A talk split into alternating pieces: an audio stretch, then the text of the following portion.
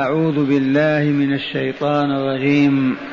وما كان لمؤمن أن يقتل مؤمنا إلا خطأ. وما كان لمؤمن أن يقتل مؤمنا إلا خطأ. وما كان لمؤمن أن يقتل مؤمنا إلا خطأ. ومن قتل مؤمنا خطأ فتحرير رقبة مؤمنة ودية مسلمة إلى أهله إلا أن يصدقوا. ومن قتل مؤمنا خطأ فتحرير رقبة مؤمنة ودية مسلمة إلى أهل إلا أن يصدقوا. فإن كان من قوم عدو لكم وهو مؤمن فتحرير رقبة مؤمنة وإن كان من قوم بينكم وبينهم ميثاق فدية مسلمة إلى أهله وتحرير رقبة مؤمنة. فمن لم يجد فصيام شهرين متتابعين توبة من الله وكان الله عليما حكيما. ومن يقتل مؤمنا متعمدا فجزاؤه جهنم خالدا فيها وغضب الله عليه ولعنه وأعد له عذابا عظيما. وما كان لمؤمن أن يقتل مؤمنا إلا خطأ. جائز القتل الخطأ. أما مؤمن يقتل مؤمن لا ليس من شأنه أو مما يتهيأ له. وما كان لمؤمن أن يقتل مؤمنا إلا خطأ. فالخطأ يقع. أراد أن يرمي غزالة رمى امرأته. نعم. أراد أن يضرب حمارا ضرب أخاه. مثلا أما عمدا ما يستطيع. ليس من شأن المؤمن أبدا أن يقتل مؤمنا اللهم إلا في حال الخطأ. وما كان لمؤمن أن يقتل مؤمنا إلا خطأ. ومن قتل مؤمنا خطأ فتحرير رقبة مؤمنة ودية مسلمة إلى أهله إلا أن يصدقوا. إذا قالوا تصدقنا بهذه الدية لا بأس. ومن قتل مؤمنا خطأ ماذا عليه فتحرير رقبة مؤمنة أولا ودية مسلمة إلى أهله إلا أن يصدقوا. وما كان لمؤمن أن يقتل مؤمنا إلا خطأ. اللهم إلا في حال أما عمدا عدوانا ما يصدر هذا عن مؤمن. وما كان لمؤمن أن يقتل مؤمنا إلا خطأ. ومن قتل مؤمنا خطأ ماذا عليه؟ فتحرير رقبة مؤمنة ودية مسلمة إلى أهله إلا أن يصدقوا؟ تحرير الرقبة المؤمنة لأنه لوث نفسه وإن لم يكن عاملا. هذا عبد الله يعبد مولاه فتقتل أنت فتمنع تلك العبادة وتقطعها. ثانيا لا بد وأنه فرط. لو تنبه واحترس واحترز ما كان ليقتل الخطأ لكن وجود غفلة عدم مبالاة كذا تسبب في هذا القتل. فلهذا لا بد من كفارة. أولا فتحرير رقبة مؤمنة. أما رقبة كافرة ما تنفع. لو تعتق خمسين يهودي ما يصلح. لا بد وأن تعتق رقبة مؤمنة. هذا أيام كانت الرقاب تباع في الأسواق. انتهت الآن. قد يدور الزمان كما كان وتوجد. ودية مسلمة إلى أهله عتق الرقبة حق الله والدية المسلمة حق أولياء الميت. ومسلمة مؤدات كاملة بدون تباطؤ ولا تراخي مسلمة إلا أن يصدقوا أي يتصدقوا بها عليك. ويقولون ما نأخذ دية. أجرنا على الله.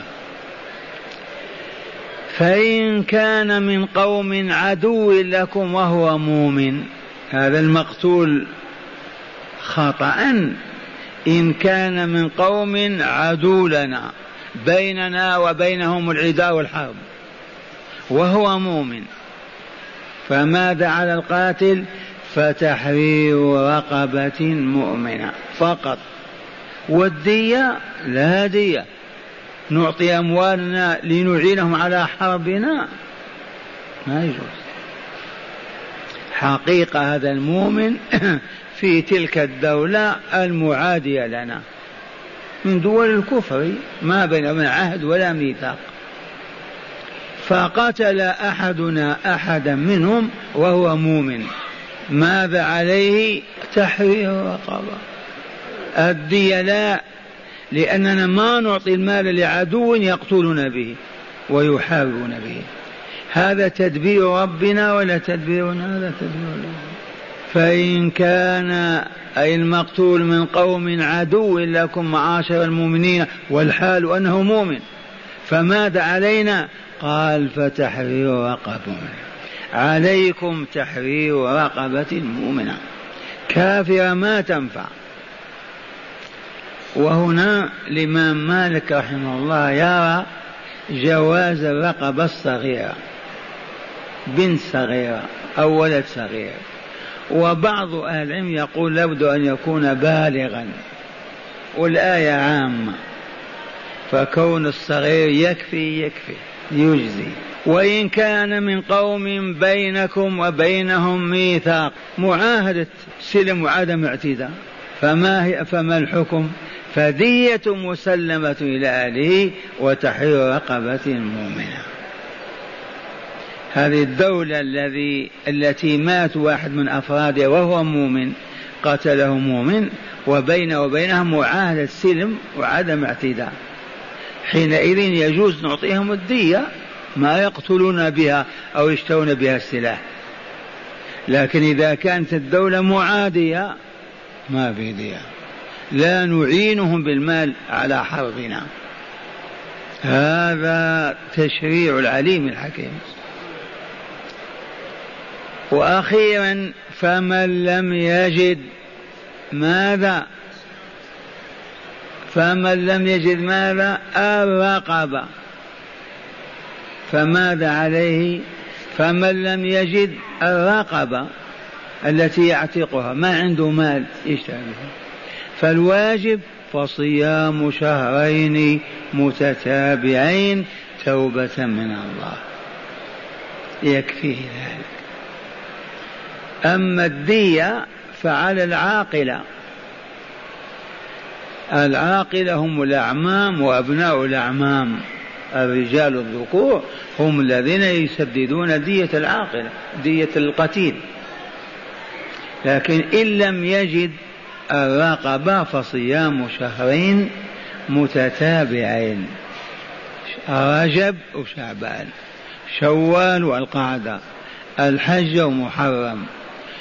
وإن كانت امرأة وحاضت أو نفست هذه تبني صامت عشرين يوم وحاضت فتركت الصلاة والصيام سبع أيام. وتأتي تصوم تبني على الماضي عشرين تبدأ منها. وكذلك المريض. صام شهر مريض. عشر أيام عشرين وصح ما يستأنف الصيام يبني على ما مضى بالعد. اللهم إلا المسافر لا عذر له. وإلا لكان كل واحد يسافر ليستريح من الصيام. المسافر يسافر وهو صائم أو يترك سفره شأنه. فتحرير رقبة مو فتحرير رقبة مؤمنة. فمن لم يجد فصيام شهرين متتابعين توبة من الله. أي هذا توبة تاب الله عليه. وكان الله عليما بخلقه حكيما في تشريعه. فلنسلم لله ونطاطئ رؤوسنا ولا حق لأحد أن يعمل على تأويل بالتبديل والتغيير. لأن الله أولا عليم بكل شيء. ثانيا حكيم في شأنه كله. فلا يشرع أبدا إلا ما في صلاح العباد والأمة. هذه الآية الأولى. الآية الثانية يقول تعالى ومن يقتل مؤمنا متعمدا.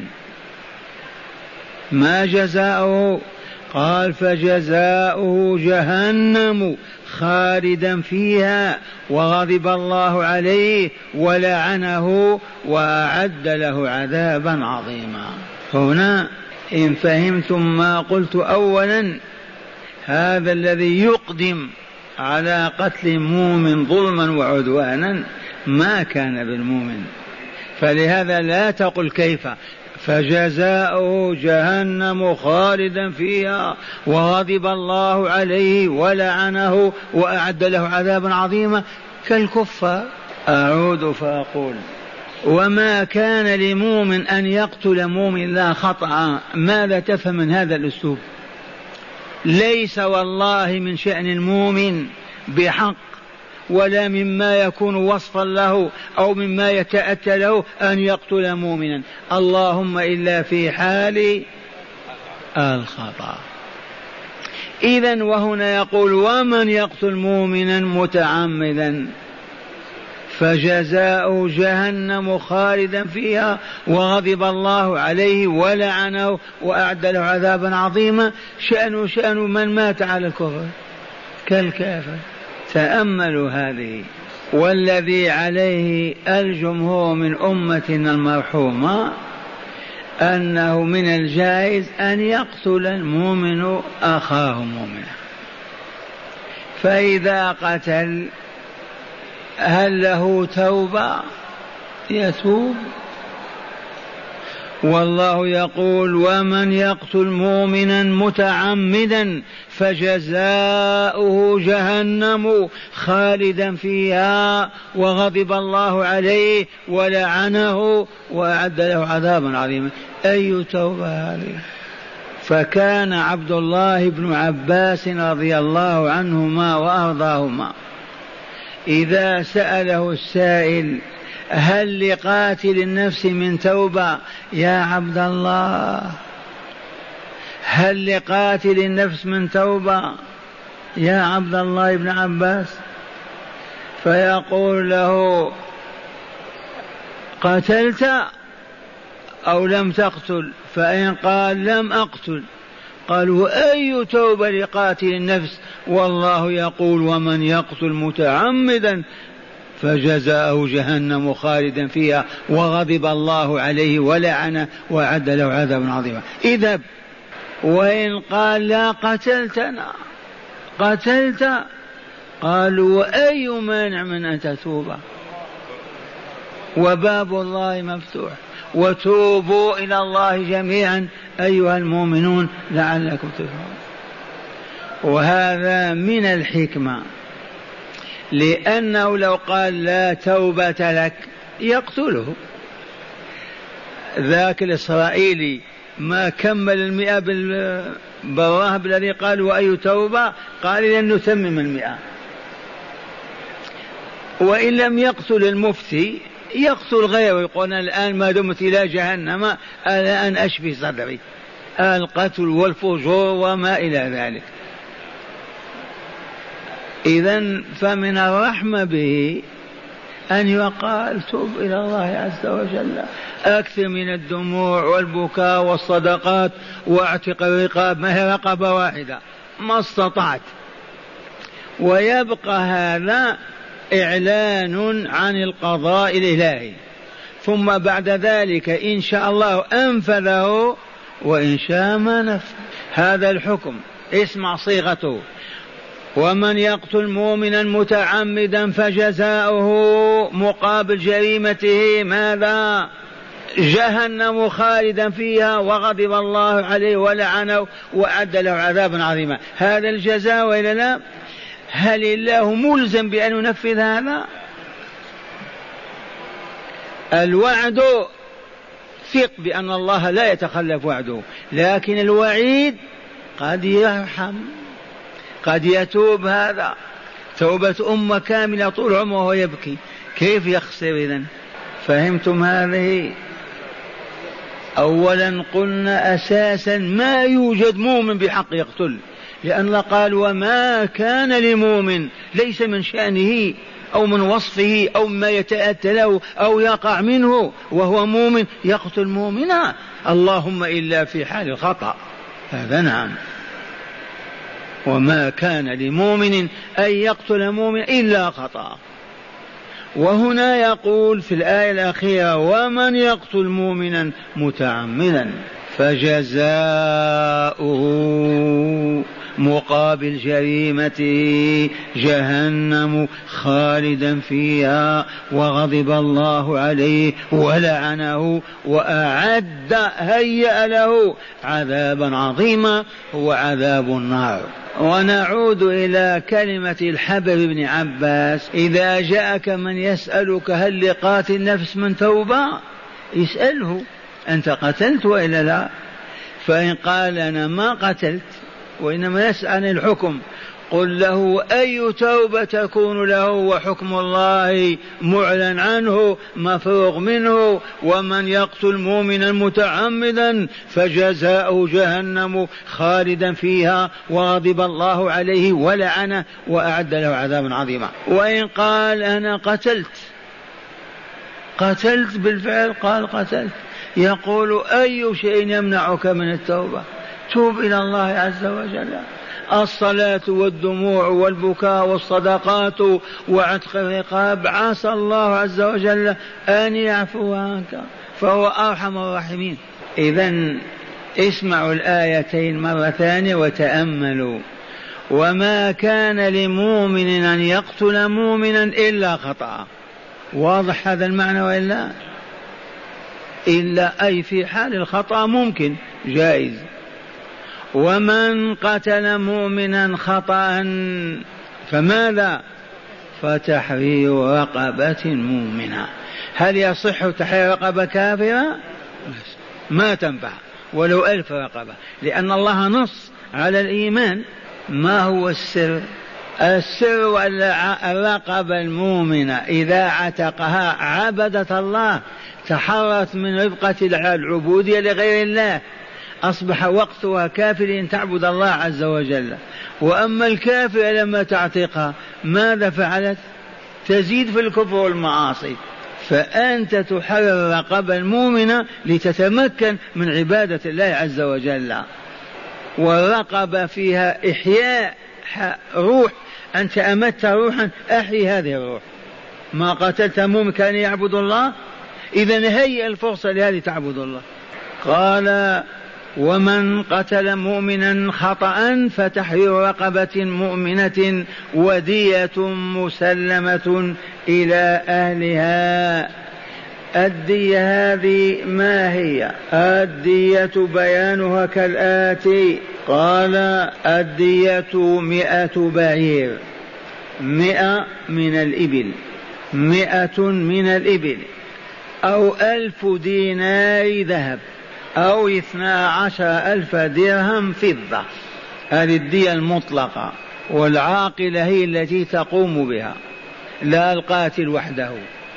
هذا قاتل الخطأ يشاركه أقرباؤه في الدية. مئة بعير. الآن ممكن يقومونها كم تساوي ويقولون بريالات. أو ألف دينار ذهب. أو اثنا عشر. اثنى عشر ألف درهم فضة. هذه الدية مطلقا. ولكن إذا كان القتل شبه عمد إذا كان القتل شبه عمد الخطأ كما قلنا رمى غزالا أصاب إنسانا. أما شبه عمد الذي يضرب بعصا تبانتم أو يأخذ حجر يضرب بها الشخص. شبه عمد هذا. هو كان ما يموت من عصا. أو من حجرة لكن الحال هذه تستدعي أنه أراد قتله. شبه العمد. هذا يضاعف له مثلا تخمس. عشرون منها قال ومن الغنم ومن الغنم ألف شاه ومن الغنم ألف شاه قال وهل الإبل تخمس أو لا تخمس؟ انتبهوا. قال في هذا خلاف. ومذهب الشافعي ومالك أنها تخمس وجه تخميسها عشرون حقة وعشرون جذعة وعشرون بنات مخاض وعشرون بنات لبون وعشرون بنو لبون ذكور لأن خمسنا كل عشرين نوع. في الحكم الأول أمية من الإبل ولو كانت بن ابن لبون أو من نوع واحد لأن فيها تخفيف. لكن ما دام القتل شبه عمد يجعلون بهذه الطريقة خمسون حقة. الحقة هذه الناقة الكبيرة التي تلد ها؟ عشرون حقة. وعشرون جذعة دونها في السن. وعشرون بنات مخاض. سنة فقط في عمرها أو سنتين. وعشرون ابن لبون هذه المئة خمسوها كل عشرون نوع. هذا عند الشافعي ومالك رحمهم الله. قال ويغلظ فيه ويغلظ فيه ويغلظ دية شبه العمد. دية شبه العمد تغلظ بأن يكون أربعون منها في بطونها أولادها. أربعون منها في بطونها كل حبالة حاملات. وشبه وشبه العمد ما كان بأداة لا تقتل عادة كالعصا ونحوها. لحديث ألا إن دية الخطأ شبه العمد ما كان بالصوت والعصا مئة من الإبل منها أربعون في بطونها أولادها. إذا فالتخميس عام وهو ما ذهب إليه الشافعي ومالك. يعني عشرون من كذا وعشرون من كذا مطلقا في غير شبه العمد. مع شبه العمد وهو القتل بالعصا ونحوها هذا الذي يغلظ تغلظ فيه الدية أربعون منها في بطونها أولادها. إذا نعود إلى هذا من حيث دراسة الآية في الشرح الذي بين أيدينا.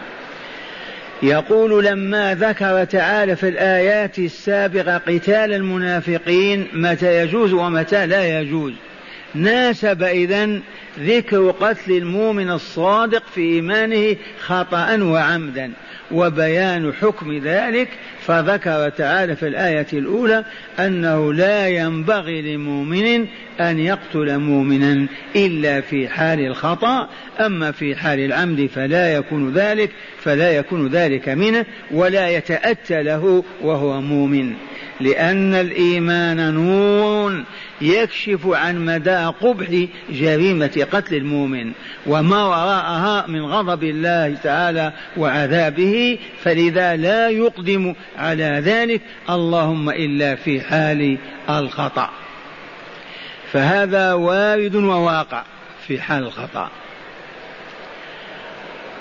وحكم من قتل خطأ هو أن يعتق رقبة ذكرا كانت أو أنثى مؤمنة وأن يدفع الدية لأولياء القتيل إلا أن يتصدقوا بها فلا يطالبوا بها ولا يقبلوها بالمرة. والدية مئة من الإبل أو ألف دينار ذهب أو اثنى عشر ألف درهم من فضة. هذا معنى قوله تعالى وما كان لمؤمن ان يقتل مؤمنا الا خطا ومن قتل مؤمنا خطا فتحرير رقبه مؤمنه وديه مسلمه إلى اهله الا ان يصدقوا.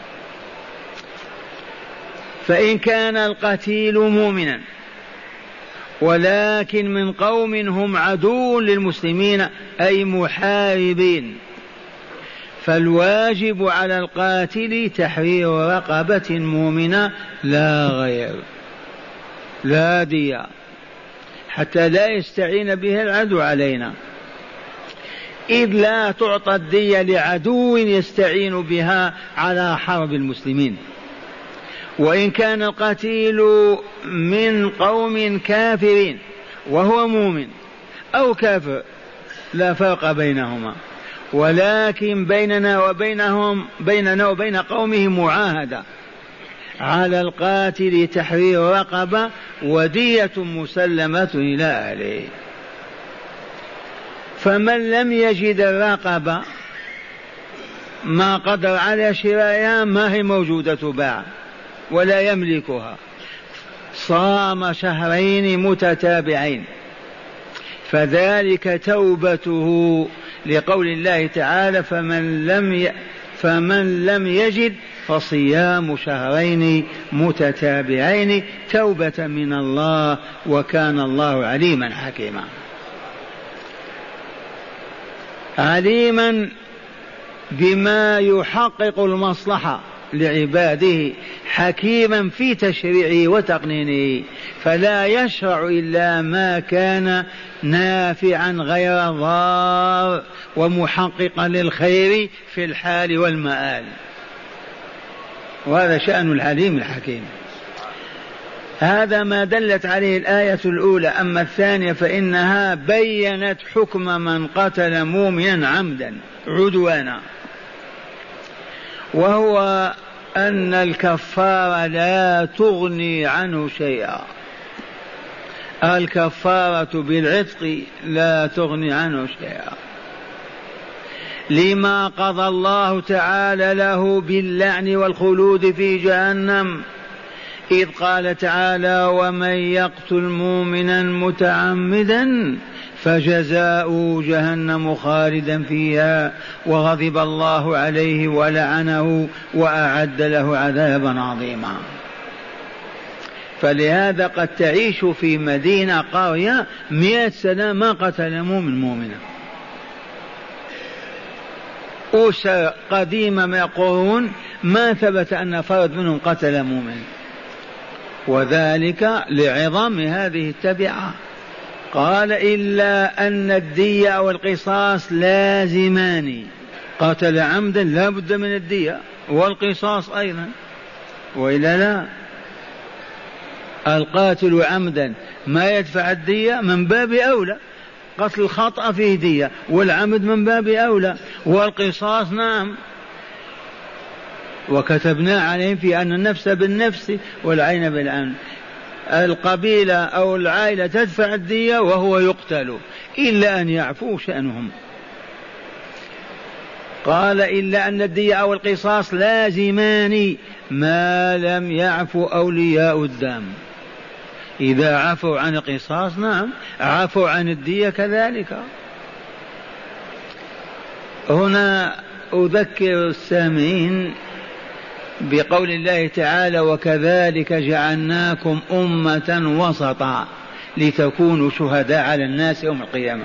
أي خيارا عدولا. هذه الوسطية لها مثل شائع بين ألسنة العلماء.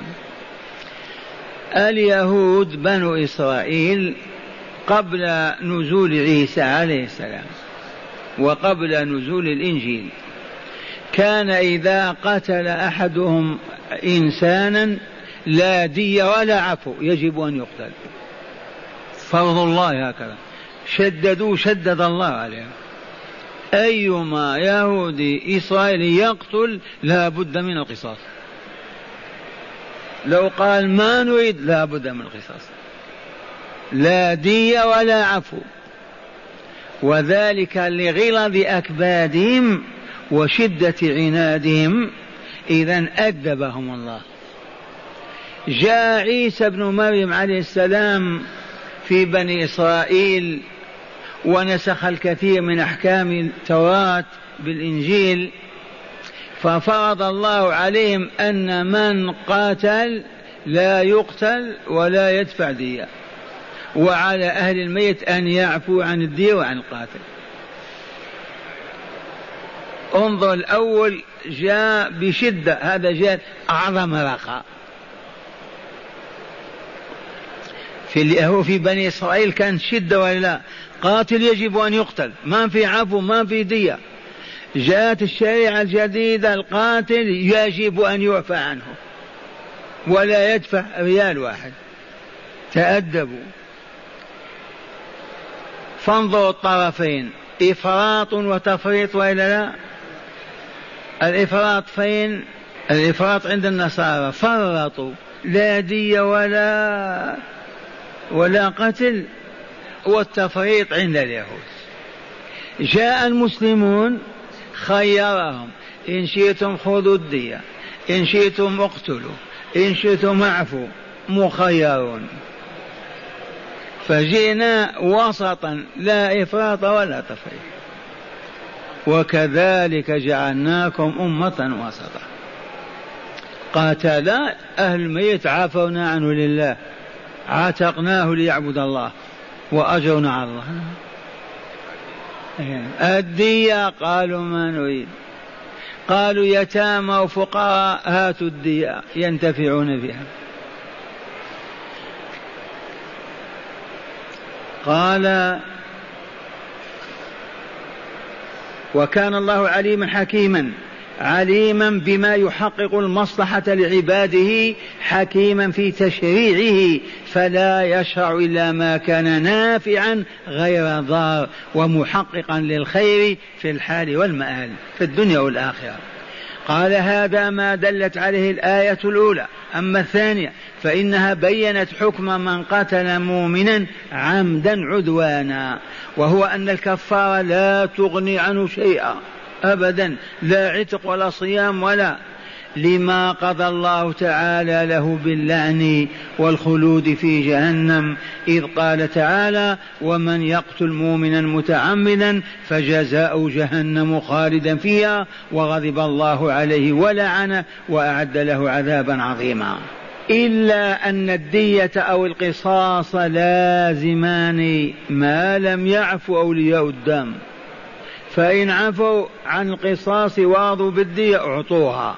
وإن طالبوا بالقصاص اقتصوا.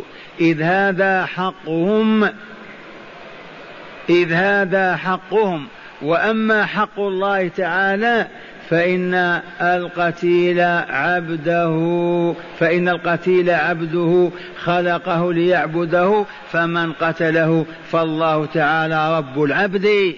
خصمه وقد توعده بأشد العقوبات وأفظعها أقول أولياء القاتل القاتل إن شاءوا عفوا وإلا لا لكن وحق الله ما هو.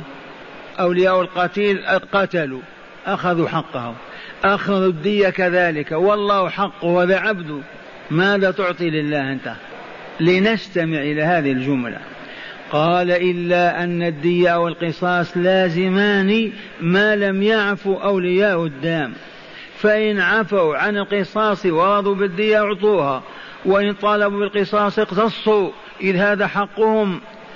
أما حق الله تعالى فإن القتيل عبده خلقه ليعبده وإلا لا. فمن قتله فالله تعالى رب العبد هو خصمه وقد توعد بأشد العقوبات وأفظعها والعياذ بالله تعالى وذلك حقه.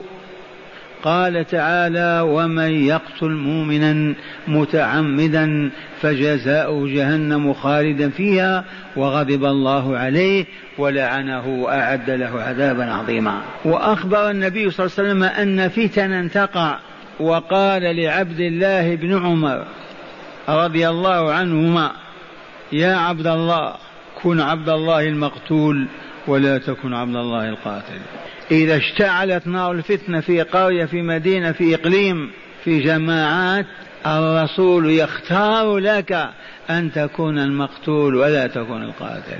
يا عبد الله يا ابن عمر كن عبد الله المقتول ولا تكن عبد الله القاتل. لما علمنا مما توعد الله به وإلا لا فجزاء جهنم خالدا فيها وغضب الله عليه ولعنه وأعد له عذابا عظيما. ذهبت صلاته وجهاده وحجه وعبادته عشرات السنين. وهنا قال من هداية الآيتين اولا بيان أن المؤمن الحق لا يقع منه القتل العمد للمؤمن. من أين استنبطنا هذا؟ وما كان لمؤمن أن يقتل مؤمن إلا خطأ. أما قال هذا الله؟ إذا بيان أن المؤمن الحق الصادق الإيمان لا يقع منه القتل أبدا. القتل العمد للمؤمن أما قتل الكافر في الجهاد واجب. أما أن يقتل مؤمنا عمدا ما يقع هذا. ثانيا بيان جزاء القتل الخطأ. ما هو؟ قولوا تحرير رقبة ودية مسلمة. له جزاء القتل الخطأ ما هو؟ تحرير رقبة ودية مسلمة إلى أهله من ورثته. منين أخذنا هذا؟ ومن قتل مؤمنا خطأ فتحرير رقبة مؤمنة ودية مسلمة إلى أهله. ثالثا إذا كان القتيل مؤمنا وكان من قوم كافرين محاربين فالجزاء ما هو؟ تحرير رقبة مؤمنة ولا شيء. لا دية ما نعينهم بالأموال. ما نعينهم بالأموال. لو نفقه هذه كل الكمالات في الأكل والشرب واللباس التي ما نحن في حاجة إليها ونوردها من دول الكفر كلها نتركها. لماذا نعينهم علينا؟ هذه البربرية ما يفهمها الغافلون. تبهتم. كل ما نحن في غير حاجة إليه من هذه ما يسمونها بالكماليات. كذا ولا لا؟ لو كنا نشتريها من المسلمين لا كان لا بأس نقويهم.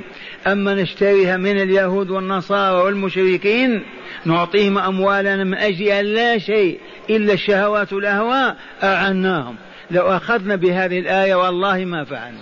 هذه دية ولا لا؟ قال ما تعطوهم الدية. ما لكم تعطوهم يتقووا به عليكم وهم حرب عليكم وأعداء لكم. فهمتم هذه النكتة ولا ما هي مفهومة؟ الكماليات في الطعام في الشراب في اللباس في المركوب هذه زايدة عن الحاجة لا قيمة لها ملهات لكن لو كنا نستوردها من ديار المؤمنين لا بأس. نقوي إخواننا. أما أن نشتريها من اليهود والنصارى نعطيهم الأموال من أجل أن نترفه حتى نهبط ونلصق بالأرض هذا والله ما هو برشد قال رابعا إذا كان القتيل من قوم بين المسلمين. لا إذا كان القوم من قوم بين المسلمين وبينهم ميثاق فالواجب ما هو؟ الدية وتحرير رقبة. لأن مثلا إيطاليا بينه وبينها عهد أو اليونان حال السلم وعدم اعتداء أو مات مؤمن هناك لا بد من الدية وعتق رقبة. لكن لو كانت الحرب معلنة بيننا وبين اليهود مثلا هذا مثال واليهود ما بينه وبين الحرب. عندنا معاهدات من الأمم المتحدة فيما إذا أعلنت الحرب. قال إذا كان القتيل من قوم بين المسلمين وبينهم ميثاق فالواجب الدية وتحرير رقبة خامسا من لم يجد الرقبة ماذا يصنع؟ صام شهرين متتابعين. هل هذا التتابع ضروري دائما؟ وماذا يصنع حاضت المرأة. كيف التتابع؟ تبكي. نافسة. تبني وإلا تستأنف؟ تبني. مرض الرجل صام عشرين يوم وجاء مرض إلى المستشفى. لما يشفى يبني أو يستأنف؟ يبني. كالطائف. طاف ثلاث أشواط وبعد ذلك عف. تباتم أو تعب. وذهب بعيد يستريح. يرجع يبني أو يستأنف؟ يبني. على ما طافه قال خامسا من لم يجد الرقبة صام شهرين متتابعين. سادسا وأخيرا القتل العمد العدوان يجب له أحد شيئين. القصاص أو الدية حسب رغبة أولياء الدم. مخير خذوا الدية واسكتوا أو خذوا رجل واقتلوه. و وإن عفوا فلهم ذلك أيضا. وأجرهم على الله تعالى وعذاب الآخرة. وعيد الله. إن شاء الله أنجزه وإن شاء عفا. وله الحمد والمنة.